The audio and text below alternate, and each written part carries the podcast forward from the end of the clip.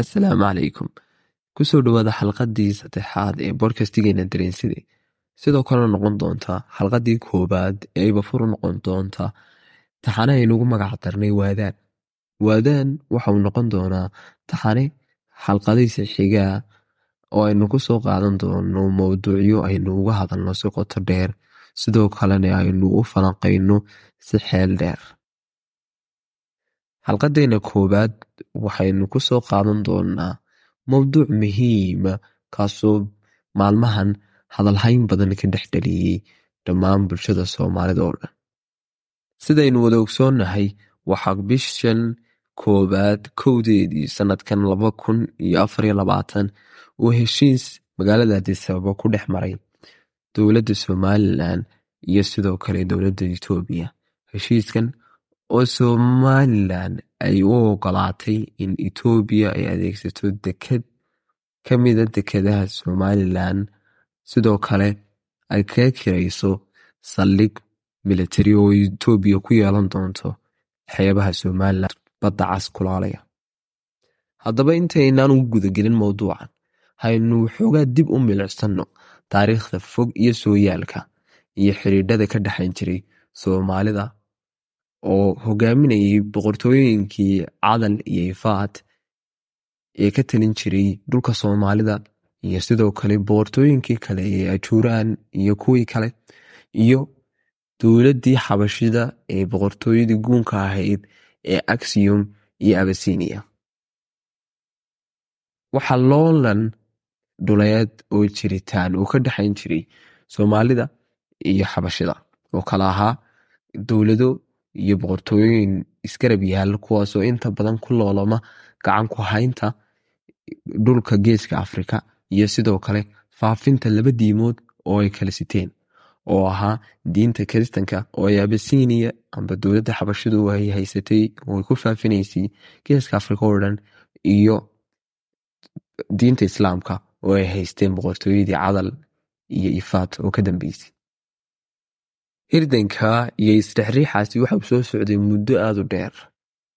Waxaana halkaa ka bilaabmatay colaad gaamurtay oo u dhaxaysa soomaalida iyo xabashida si gaara sidoo kalena u dhaxaysa muslimiinta iyo kiristanka ku wada nool geeska afrika.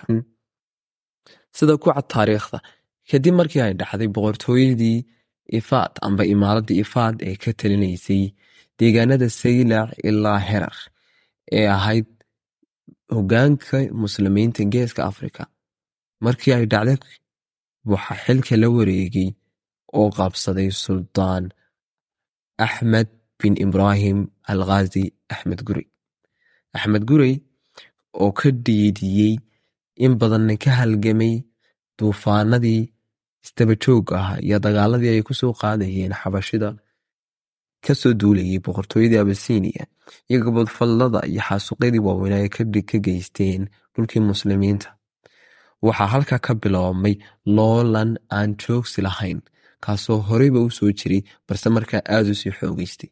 Heer uu gaadhay in meelo fara badan oo dhulka muslimiinta laga qabsaday intii ay dhacday dowladdii ifaad inuu dib u celiyo suldaan axmed bin ibraahim al axmed gurey sidaas ayaa u soo taagnaa loolanka u dhexeeya abasinia oo ay xabashidu hogaamiso oo kiristana iyo cadal oo ay soomaalidu hogaamiso oo muslimiina.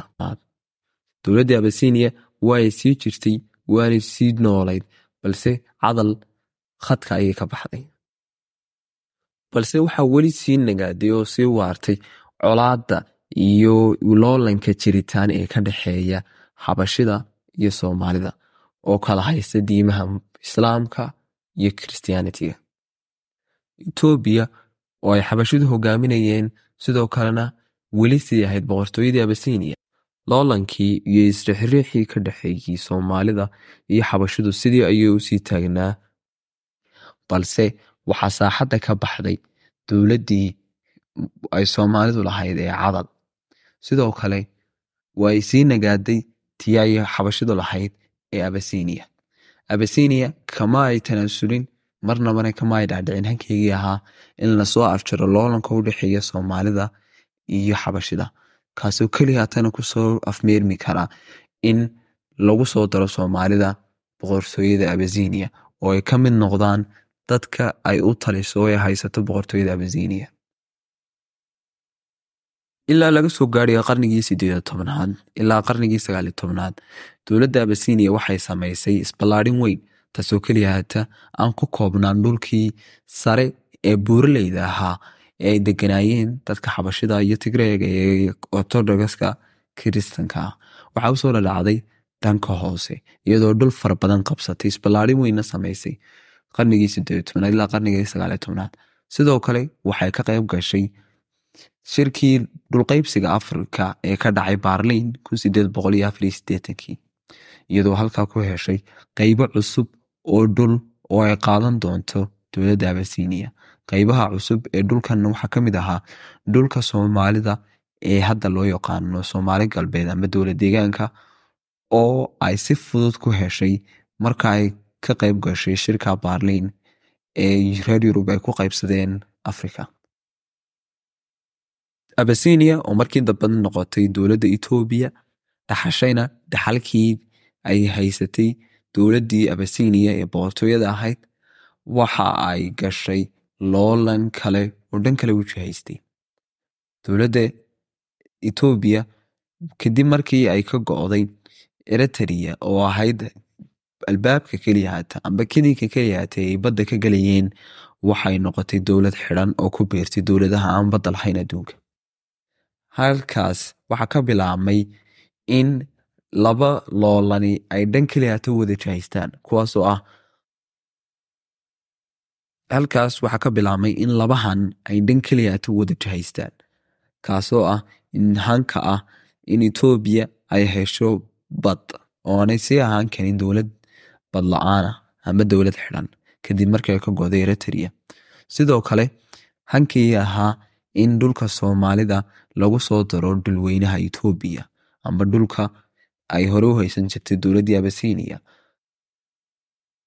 halkan uu ku soo dhammaado ishirtankii amba loolankii jiritaaniga ka dhexeeyey xabashida oo hogaaminaysa dowladdii abasinia iyo soomaalida oo hogaaminaysa dowladdii caadal iyo ifaat mise waxaa jira dareynaya u haysto dhulka soomaalida iyo badda soomaalida sidaynu ogsoonahay etoobiya oo ah dowlad gumaysiya taasoo dhammaan dhulka ay haysato ku qabsatay xoog iyo qori caaradi.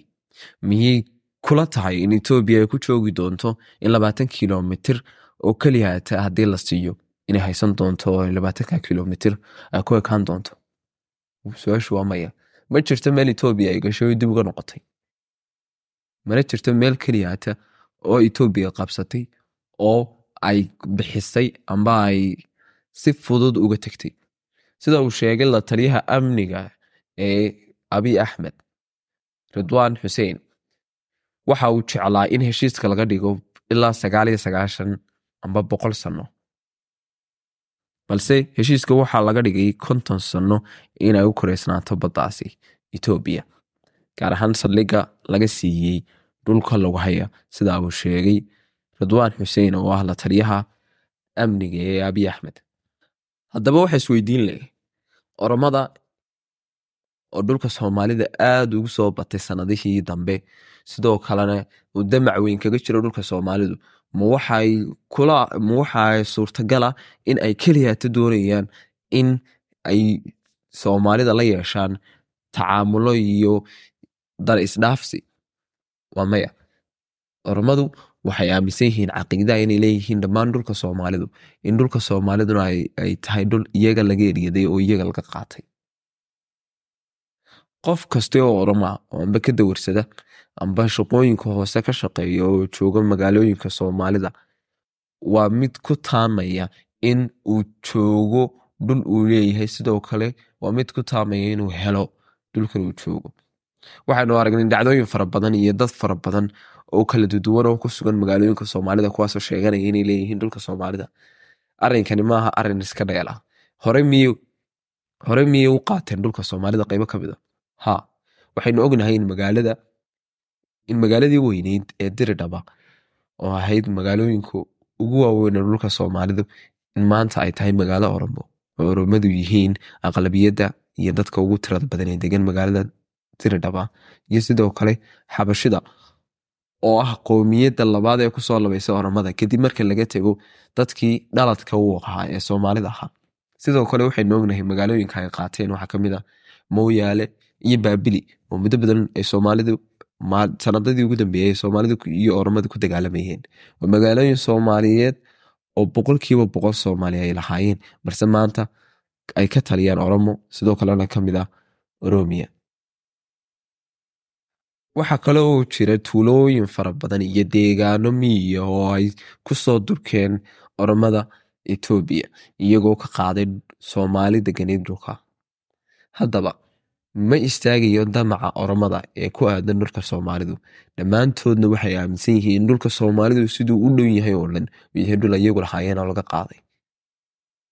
Sidoo kalena waa dad ku soo koray cadho iyo ciilkaambi iyo cuqdad iyo caloolyow dadka sidaa ku soo koraana dhammaantood waxay rajaynayaan in marumay xoroobaan marumay noqdaan dad taliyo oo mudanayaala oo madaxa. Saa u sameeyaanna wax walba u burburin karaan wax walba u baabiin karaan. Etoobiya waxaanu odhan karnaa waa dowladda keliyata ee ciidan badeed leh iyadoo aan bad lahayn. Ciidan badeed oo jooga badda. Way jiraan dalal badan oo xidhan oo aan bad lahayn oo le ciidan badeed balse ciidamada badda ee dalalkaasi waxay joogaan amba ay inta badan ka howlgalaan webiyada iyo harooyinka waaweyn. Balse etoobiya waa dalka ciidankiisa baddu ay doonayaan inay ka howlgalaan badda iyagoo aan lahayn bad oo ah dowlad xidhan. Taasina waxay keenaysaa isweydiin weyn oo ah maxaa keenay arinkan ugubka ah ee etoobiya ay ciidankeyga badda ugu dirayso? Iyadoo aan bad lahayn jodhibad dadka reer somalilan waxaa lagu muday suntii ahayd in ay aqoonsi loo soo wado xukuumadda aqoonsi soo wado iyo sidoo kale sun kale oo ah in soomaaliya ay ka xun tahay horumarka somalilan arrinka isweydiintale waxa uu yahay horumarka ay etoobiya soo waday maxaa uu yahay? Etoobiya waa dowlad faqiira oo sabool oo ay ku nool yihiin boqol iyo labaatan milyan. Waa dowlad ay dadkeegu intooda ugu badan ay ku nool yihiin dhaqaale aada u hooseeya oo dilinta saboolnimada ay dad fara badan ay ku nool yihiin. Heer ka hooseeya. Sidoo kalena waa dowlad sanadadii ugu dambeeyey dagaala sokeeye oo ka soo bilaabmay kacdoonkii oromada. Sidoo kale dagaalkii tigreega iyo dagaalka hadda socday oo ah ka amxaarada amba xabashida uu ka socdo. Dhaqaale xumo weynna way soo wajahday etoobiya intay dagaalada ku jirtay sanadkana waxa uu ahaa labadii kun iyo saddex labaatankii waxa uu ahaa sanad ku adag etoobiya heer ay gaadhay inay bixin kari weydo. Deymihii ay bixin jirtay ee lagu lahaa etoobiya iyadoo dalbatay in dib loogu dhigo bixinta deymaha oo sanadkan ay bixin lahayd milyan oo doolarka mareykanka. Ah balse ay ka baaqatay bixinta deymaha iyo amahahaasi etoobiya ma aha dowlad dana inoo soo wada.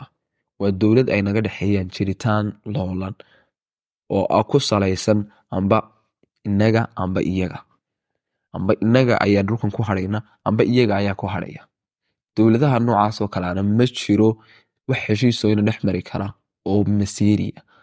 Wayna dhex mari karaan tacaamulaad iyo dana siyaasadeed laakiin heshiisyada ah nuucan oo kala ee ah in dhul loo gacangeliyo amba loo ogolaado qaybo dhulkeena ka mid a inay yimaadaan amba baddeyna amba hawadeenna waxay halis ku tahay jiritaankeenna waxaynu ognahay in etoobiya uu dhul inaga maqan yahay uu dhul ay naga haystaan ka soomaali ahaan. Sidee ay suurtagul ku tahay inaynu dhul kale ugu darno sidee ay suurtagul ku tahay etoobiya aynu ognahay colaada gaamurtay oo haysa soomaalidu in ay si yaroo fudud amba xeerarka adduunka waafaqsan inay kula dhaqmi doonto oo ay ilaalin doonto xuquuqaha leedahay taas waa midaan suurtagal ahayn horena umay dhicin dibna u dhici mayso. Sidoo kale waxaynu ognahay in dekeda berbera lagu sameeyey dib u ballaadhin kadib markii lagu wareejiyey shirkadda deep wall ee imaaraatiga etoobiya waxaa laga siiyey saami ah boqolkiiba sagaaliyo toban inay maalgashato dekeda berbera. Balse boqolkiiba sagaaliyo tobanka etoobiya dib ay uga dhacday waxaanay sidaa ku lumisay inay ka noqoto saamiilayaasha dekeda berbera. Iyo in wax maalgashiga ay ku yeelato arrinta isweydiinta le waxay tahay etoobiya iyadoo maalgashan kari weyday boqolkiiba sagaal iyo toban keliyaata oo dibu ballaadhin amba dibu habeyn loogu sameynayey dekeda berbera bixin kari weyday. Sidee ayay ku awoodaa inay bixiso deked ay dhisato? Arinku sidaa uu ka fudud yahay. Etoobiya waxay amaaha fara iyo deymo fara badan ka qaadataa dalalka galbeedka iyo sidoo kale dalka china oo ah dalka ugu badan ee amaaha kule etoobiya oo sidoo kale maalgashiyo waaweyn kule dalka etoobiya sida muuqata abiy axmed madaxweynaha etoobiya waxa uu ka qayb galay shirkii amaaha ah ee ay qabatay dowladda china dhowr bilood ka hor waxaana la soo geeyey oo uu soo booqday dekeda shangahay ee ah dekeda ugu weyn dalka chinaha arrimahaasi miyaynaan ka dhex akhrisan karin in etoobiya ay doonayso in amaaha ay ku dhisato dekeday leedahay oy ka dhisato deegaanka la siiyey ee lagu hayaa ama deegaanka ay saldhiga ciidan ay ka dhisan doonaan. Iyo sidoo kale dekeda loo ogolaaday inay adeegsadaan. Sidoo kale waxa aan ka maqnayn meesha oo joogta oo etoobiya si bilaasha iyo si amaahaba lacag ku siin doonta dowladda imaaraadka. Imaaraadku waa dowlad sideedaba aan ka shaqayn wax wanaaga. Waa dowlad u dhisan keliya haata in ay ka shaqayso khalkhalka iyo burburka dowladaha muslimiinta haddii aad muslim tahay imaaraadku waa cadowgaaga si lamida sida israa'iil iyo iiraan waa dowlad wadiifi ah amba howlwadeen ah taasoo u shaqaysa galbeedka. Dowlad u dhisan say dowlado kale u burburiso oo ay u baabiiso. Dowlad u dhisan si nidaamyada jira dowladaha shaqeeya a u fadhiisiso oo ay u fashiliso. Etoobiya iyadoo saaxiib laa dowladaha sidaasa sidoo kale xiriirka somalilan iyo etoobiya iyo ka dhexeeya china sidoo kale xiriirka somalilan iyo china ka dhexeeyay uu aada u xun yahay kadib markii xiriir la samaystay somalilan dalka taiwan oo ah gobol ka go'ay dalka china. Arrimaha layaab kale ee soo baxaya waxay yihiin in dad badani ay u hanqaltaagayaan oo ay soo dhoweynayaan una ololeynayaan in etoobiya dhul la siiyo ay saldhig ciidan ka dhigato iyo in loo ogolaado bad dadkaasi ma waxay diyaar u yihiin in la gumaysto? Ma waxay diyaar u yihiin inay ka tanaasulaan dhulkoogii ma waxay diyaar u yihiin inay baabiyaan dhaxalkii awowyaashooda ee ku dhisnaa istifaaca iyo sharafta karaamada iyo ilaalinta hanka soomaalida iyo dhulkooga? Waxay diyaar u yihiin inay baabiyaan xorriyadoodii iyo madaxbanaanidoodii haddaba sida ay sheegtay dowladda somalilan iyo dowladda etoobiya heshiiskii ay kala saxeixdeen somalilan waxay u ogolaan doontaa etoobiya inay siiso dhul dhan labaatan kilomitir oo lagu sheegay inuu yahay balac taasoo ciidamada etoobiya ay ka dhigan doonaan halka fadhiisinka ay ka dhigan doonaan ay noqon doonto. Arrinka isweydiinta le waxa uu yahay ee uu keenay hadalhaynta faraha badan maxaa labaatan kilomitir oo dhan lagu falaya? Haddii aynu eegno saldhigyada ay dalal kale ku leeyihiin waxaynu ogaanaynaa in tiradani ay tahay mid aada u weyn iyo dhul aada u ballaadhan oo loo baahanay tusaale maraykanka oo ah dalka ugu badan ee saldhigya kule meel ka baxsan ciiddiisa waxa uu ku leeyahay adduunka wax ka badan toddoba boqol iyo konton saldhig meel ka baxsan dhulkiisa. Haddaba maraykanka saldhigga ugu weyn ee uu ku leeyahay meel ka baxsan dalkiisu waa saldhigga cam humfres ee ku yaalla dalka kuuriyada koonfureed saldhigga cabir ahaan waxa uu noqonayaa lix dhibic sideed kilomitir oo isku wareega. Sidoo kale saldhigga uu shiinuhu ku leeyahay dalka jabuuti waa hal dhibic labaiyo labaatan kilomitir oo isku wareega. Sidoo kale magaalada jabuuti oo ku yaalaan wax ka badan lix saldhig ciidameed kuwaasoo u badan reer yurub iyo magaalada jabuuti marka laysku daro dhammaanteed waxay isku noqonayaan afar iyo toban kilomitir oo isku wareega. Haddaba arrinka layaab kale waxauu yahay maxaa keenay in saldhig nuucan oo kalaa oo dhul intaa laga qaadanaya iyadaynu eegnahay in etoobiya ay tahay dowlad iminka loo sameeyey ciidamada badda. Maxay saldhig intaa lee ku faraysaa? Maraakiib male male diyaaradaha maraakiibta diyaaradaha qaaday aada u waaweyn male facility amba waxyaabaha loo adeegsado inay dowladaha waaweyn sida shiinaha ruushka iyo maraykanku ay saldhigyadooda hubka fara badan iyo adeegyada faraha badan u baahanayaan midna toona waa dowlad afrikaana oo saboola oo labadii kun iyo sagaal iyo tobankii loo sameeyey ciidamada badda. Arrinka la yaab kale waxa uu yahay maxaa saldhigga inta lagu falaya? Haddii aynu eegno saldhigyada noocan oo kalea ee aad iyo aadka u waaweyn ee labaatan kilomitir iyo ka badan ilaa gaadha kun kilomitir ama dhowr boqol oo kilomitir. Waxaad dhistan dowladaha waaweyn gaar ahaan waxaa caan ku ah dowladda maraykanka maadaama dalka maraykanku uu leeyahay dhul aad u ballaaran oo ah dalka saddexaad ee ugu dhulka weyn adduunka. Waxa uu samaystaa saldhigyo dhul ku yaalla maraykanka dhexdiisa kuwaasoo boqolaal kilomitr oo isku yeerana sidoo inta ugu badanna waa meelo bannaan oo laakiin aan la ogolayn la soo dego. Balse loo ogolyahay meelo badan oo ka mid a inay magaalaystaan oo deegaamaystaan dadka qoysaska waa ciidamada ka shaqaynaya saldhigga.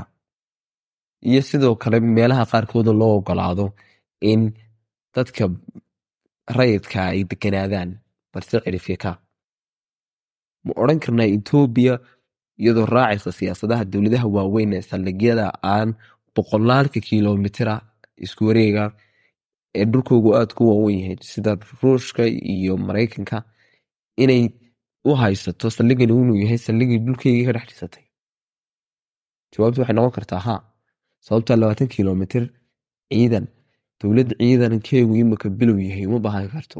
Waxaa kaloo iyaduna isweydiin leh maxay u diideen dowladaha jaarka ee etoobiya la dariska inay saldhigyo ciidan siiyaan jabuuti waa dowladda ugu badan ee afrika saldhigyo ciidan ay ku yaalaan maxay jabuuti u diiday inay siiso saldhig ciidan miyeyse u arkaysaa jabuuti khatar in inay saldhig ciidan ku yeelato dhulkeyga dhexdiisa sidoo kale waxaa isweydiin leh maxaa ay u gelayaan kharashka intaa leeg etoobiyaanku iyagoo badda cas ay joogaan ciidamo aad u fara badan kuwaasoo ilaaliya amniga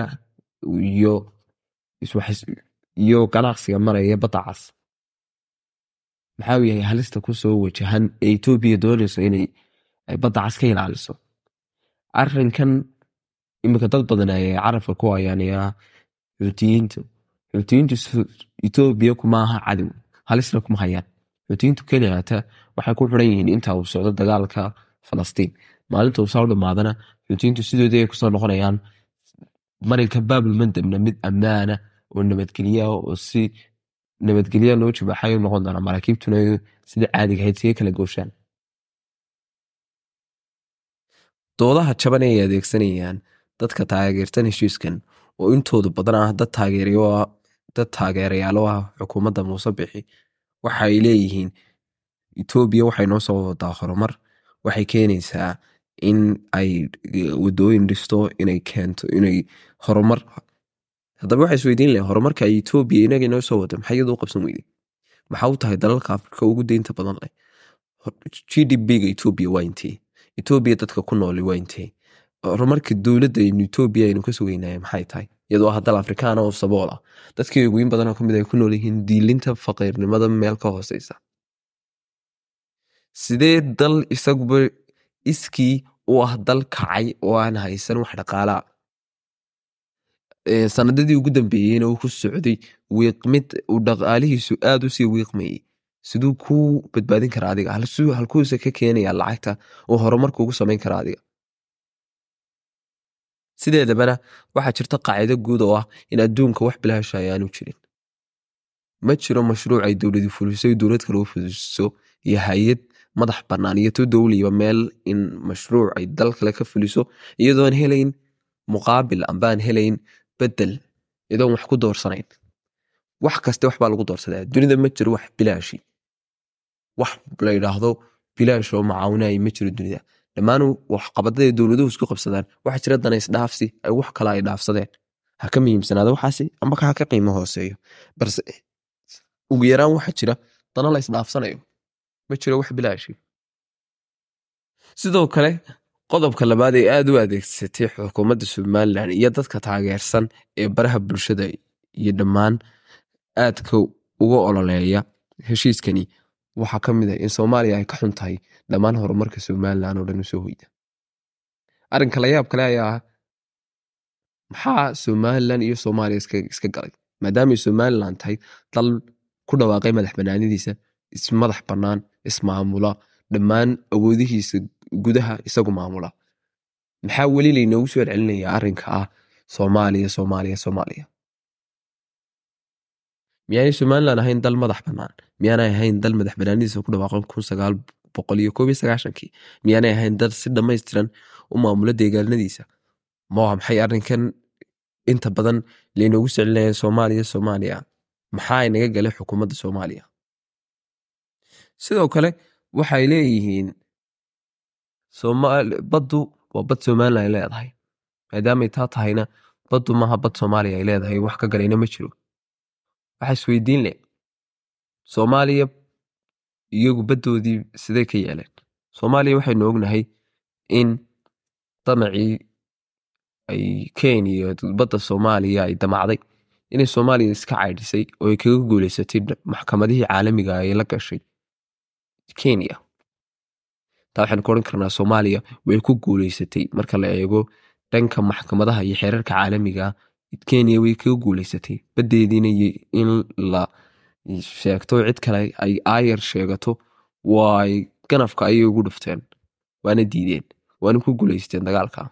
Marka laga reebo in dagaal qabsi lagu doonayo badda soomaaliya in lagu qabsadaaye aanay soomaaliya aanay ku guuleysan sababtoo ah maba u dagaal noocaasa balse marka aynu ka hadlayno damcii kenya soomaaliya way ku guuleysatay inay maxkamadaha caalamiga ay kaga hor guuleysato oo kiisaskii ay gudbisay iyadu ku guuleysatay haddaba maxaa inaga baddeena ka dhigay timir xabaaltaala toodii iyagu hadday difaacdeen maxaa inagu teena aynu bilaashka ugu dhiibaynaa xataa maaha lacag maxaynu xataa bilaashka ugu dhiibaynaa maxay afar qof inoo iibsanayaan?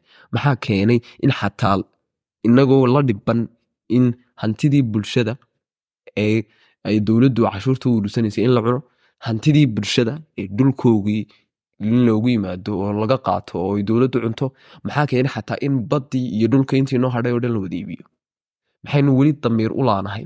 Maxaynu inagoo hantidii guud hantidii gaarka ahayd la iibsaday oo la cunay aynu haddana imika aynu u taageersanahay in dalkeenna oo dhan la cuno oo dowlado kale oo cadowga oo shisheeye laga iibiyo. Dadka reer somalilan cadowga ay etoobiya leedahay ee taariikhiga ay markaynu ka hadalno ee soomaalida ah. Soomaalida cid baa ku matasha dhammaan isirka soomaaliyeed cid baa ku matasha dagaalka ay kula jirtay etoobiyaanka cidda loolanka uu ka dhexeeyey ee soomaalida ku matalaysay waxay soomaalida degan deegaanada somalilan imika ay ka taliso iyo deegaano kamida dhulka soomaali galbeed oo herar iyo deegaanada ka soo rogan oo dhan ay ka talinaysay dowladdii cadal iyo sidoo kale imaaradda ifaat marka aynu dhab ahaan uga hadalno cidda loolanka uu ka dhexeeyey marka soomaali laga hadlayo si gaara waxay ahayd soomaalida degan waqooyiga soomaalida degan somalilan jabuuti iyo qeybo kamida soomaali galbeed haddaba inagoo sidaa etoobiya inagu u ahayn awoyaasheen u ahaayeen cadowgii ugu weynaa etoobiya ay lahayd maxaa maanta keenay inaynu inagu noqono kuwa ugu jecel ee ugu dhow ee dhulkooga xataa uga tanaasula etoobiya waan hubaa. Dadka qaarkood way fahamsan yihiin arrinkan taageersan. Waanay garanayaan damca etoobiya etoobiya tahay dowlad gumaysi oon laysku hadlayn karin. Dhulka somalilan iyo dhulka soomaalida si guud oo dhan uu damac kaga jiro si gaarana badahooga ay u doonayaan.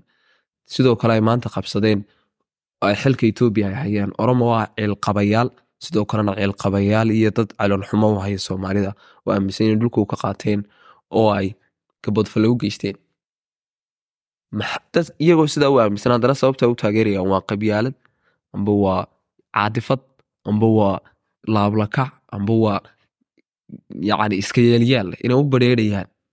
Qof kasta oo sidaa ay ka tahayna taariikhda ayaa xusi doontaa waxaana ku dhici doonta lacnada taariikhda sida ay ugu dhacday shantii weji ee heshiiska ku seexday jabuuti maalintii ka horeysay inta aanu dhicin heshiiskani laba cisho ka hor sida shantaa weji loo xusuusnaan doono ee u noqon doonaan ceeb iyo jeceer soomaalida oo dhan dul saaran in dadkaasi ay ka dhasheen ayay u ahaan doonaan dadka maanta difaacayaane kuwo khiyaameeyey dhulkoogii iyo dalkoogii iyo dadkoogii haddaba maxay nala gudboon keliyate waxaynala gudban waxa weeyaan in aynu ganafka ku dhufanno oo aynaan ogolaanin etoobiya hal taako oo dhulka inta inoo hadhaya ay soo gasho. Ha ku soo gasho heshiis amba ha ku soo gasho dagaale etoobiya dhul ayaa hore inoogaga maqan. Dhul ayay hore inooga haysataa iyo dad ay guumaysatay oo ay dhulkoogii iyadu maanta ka taliso oo ay khayraadkooga iyadu qaadato sidaynu inta hadhayna uga ogolaan karnaa. Waxaa jira arrin kale oo aad u halis badan oo shirkani heshiiskani ka dhalan kara. Arrinkaa oo ah sida uu rasuulku sheegay caleyhi salaatu wasalaam in aakhiru zamaanka in dhulka barakaysan ee maka iyo kacbadaba ay dumin doonaan xabashidu iyagoo dhagax dhagax u qaadan doona kabcada dhagxaanta ay ka dhisantay. Haddii aynu ogolaanay in etoobiya ay soo gaadho xeebaha soomaalida. Waxaynu ogolaanay oo aynu ka qayb qaadanay oo ay taariikhdu inagu xusi doontaa ilaahayna inagala xisaabtami doonaa. Oo dunuub weyn inagu noqon doonto maalinta qiyaamaha. In aynu etoobiyaanka oo noqon doona kuwa kabcada duduminaya. Inaynu inagu noqonay marinkii ay soo maryihiin iyo dadkii u ogolaaday inay kabcada dudumiyaan. Waynu dembiga waynu kula qabi doonaa waynu kula jiri doonaa ina badbaadin mayso inaynu nidhaahno muslimiin ayaanu ahayn waxaanu ahaan doonaa khaayimiin la heshiiyey oo ka qayb qaatay burburidda kabcada maxaa yeele waxaynu u fudaydinay oo aynu uga tanaasulnay dhulkeennii waxaynu u fudaydinay inay xeebaheenna soo gaadhaan waxaynu u fudaydinay halkii ay awowiyaasheen kala dagaalamayeen awoodihii bortuqiiska iyo isbaanishka iyo etoobiya oo isbahaystay inay doonayeen in ay kacbada qabsadaan oo ay halkaa kaga duulaan kadib markii uu isballaarin fara badan ku sameeyey bortuqiisku badda hindiya iyo sidoo kale gacanka carabta iyo badweynta hindiya oo dhan. Waxaan rajaynayaa inaan heshiiskaa la saxiixin waxaan rajaynayaa in etoobiya dhul dambe aanay naga qaadan doonin. Waxaan rajaynayaa inay la soo noqon doono dhulka soomaalida ee naga maqan. Waxaan rajaynayaa mooyaale baabili iyo diridhaba inay soomaali ku soo noqon doonaan oo gacanta dhulka soomaaliyeed ay soo geli doonaan. Waxaan rajaynayaa in dhammaan shanta soomaaliyeed ay noqdaan dowlado isku tiirsan oo ka fog dhammaan damacyada shisheeye iyo faragelinaha shisheeye iyo inay noqdaan dowlado isku filan oo aan u baahnayn wax aan u baahnayn wax caawimaad dibadda oo cid kala iyo inay noqdaan dowlado u midaysan danahooga iyo dadkooga iyo diintooda intaas ayaynu ku soo gabagabayn doonaa aad ayaad ugu mahadsantahay dhegeysigaaga